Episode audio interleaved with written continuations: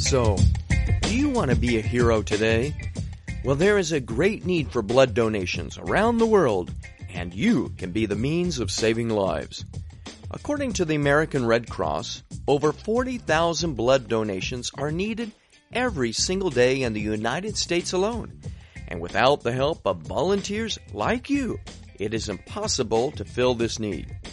About 9.2 million people donate every year in the U.S. And although approximately 38% of the population is eligible to donate, less than 10% of them actually do. Sometimes people don't donate out of fear, but the process is relatively simple, following a four step process registering, getting your medical history checked, donating, and then having some refreshments.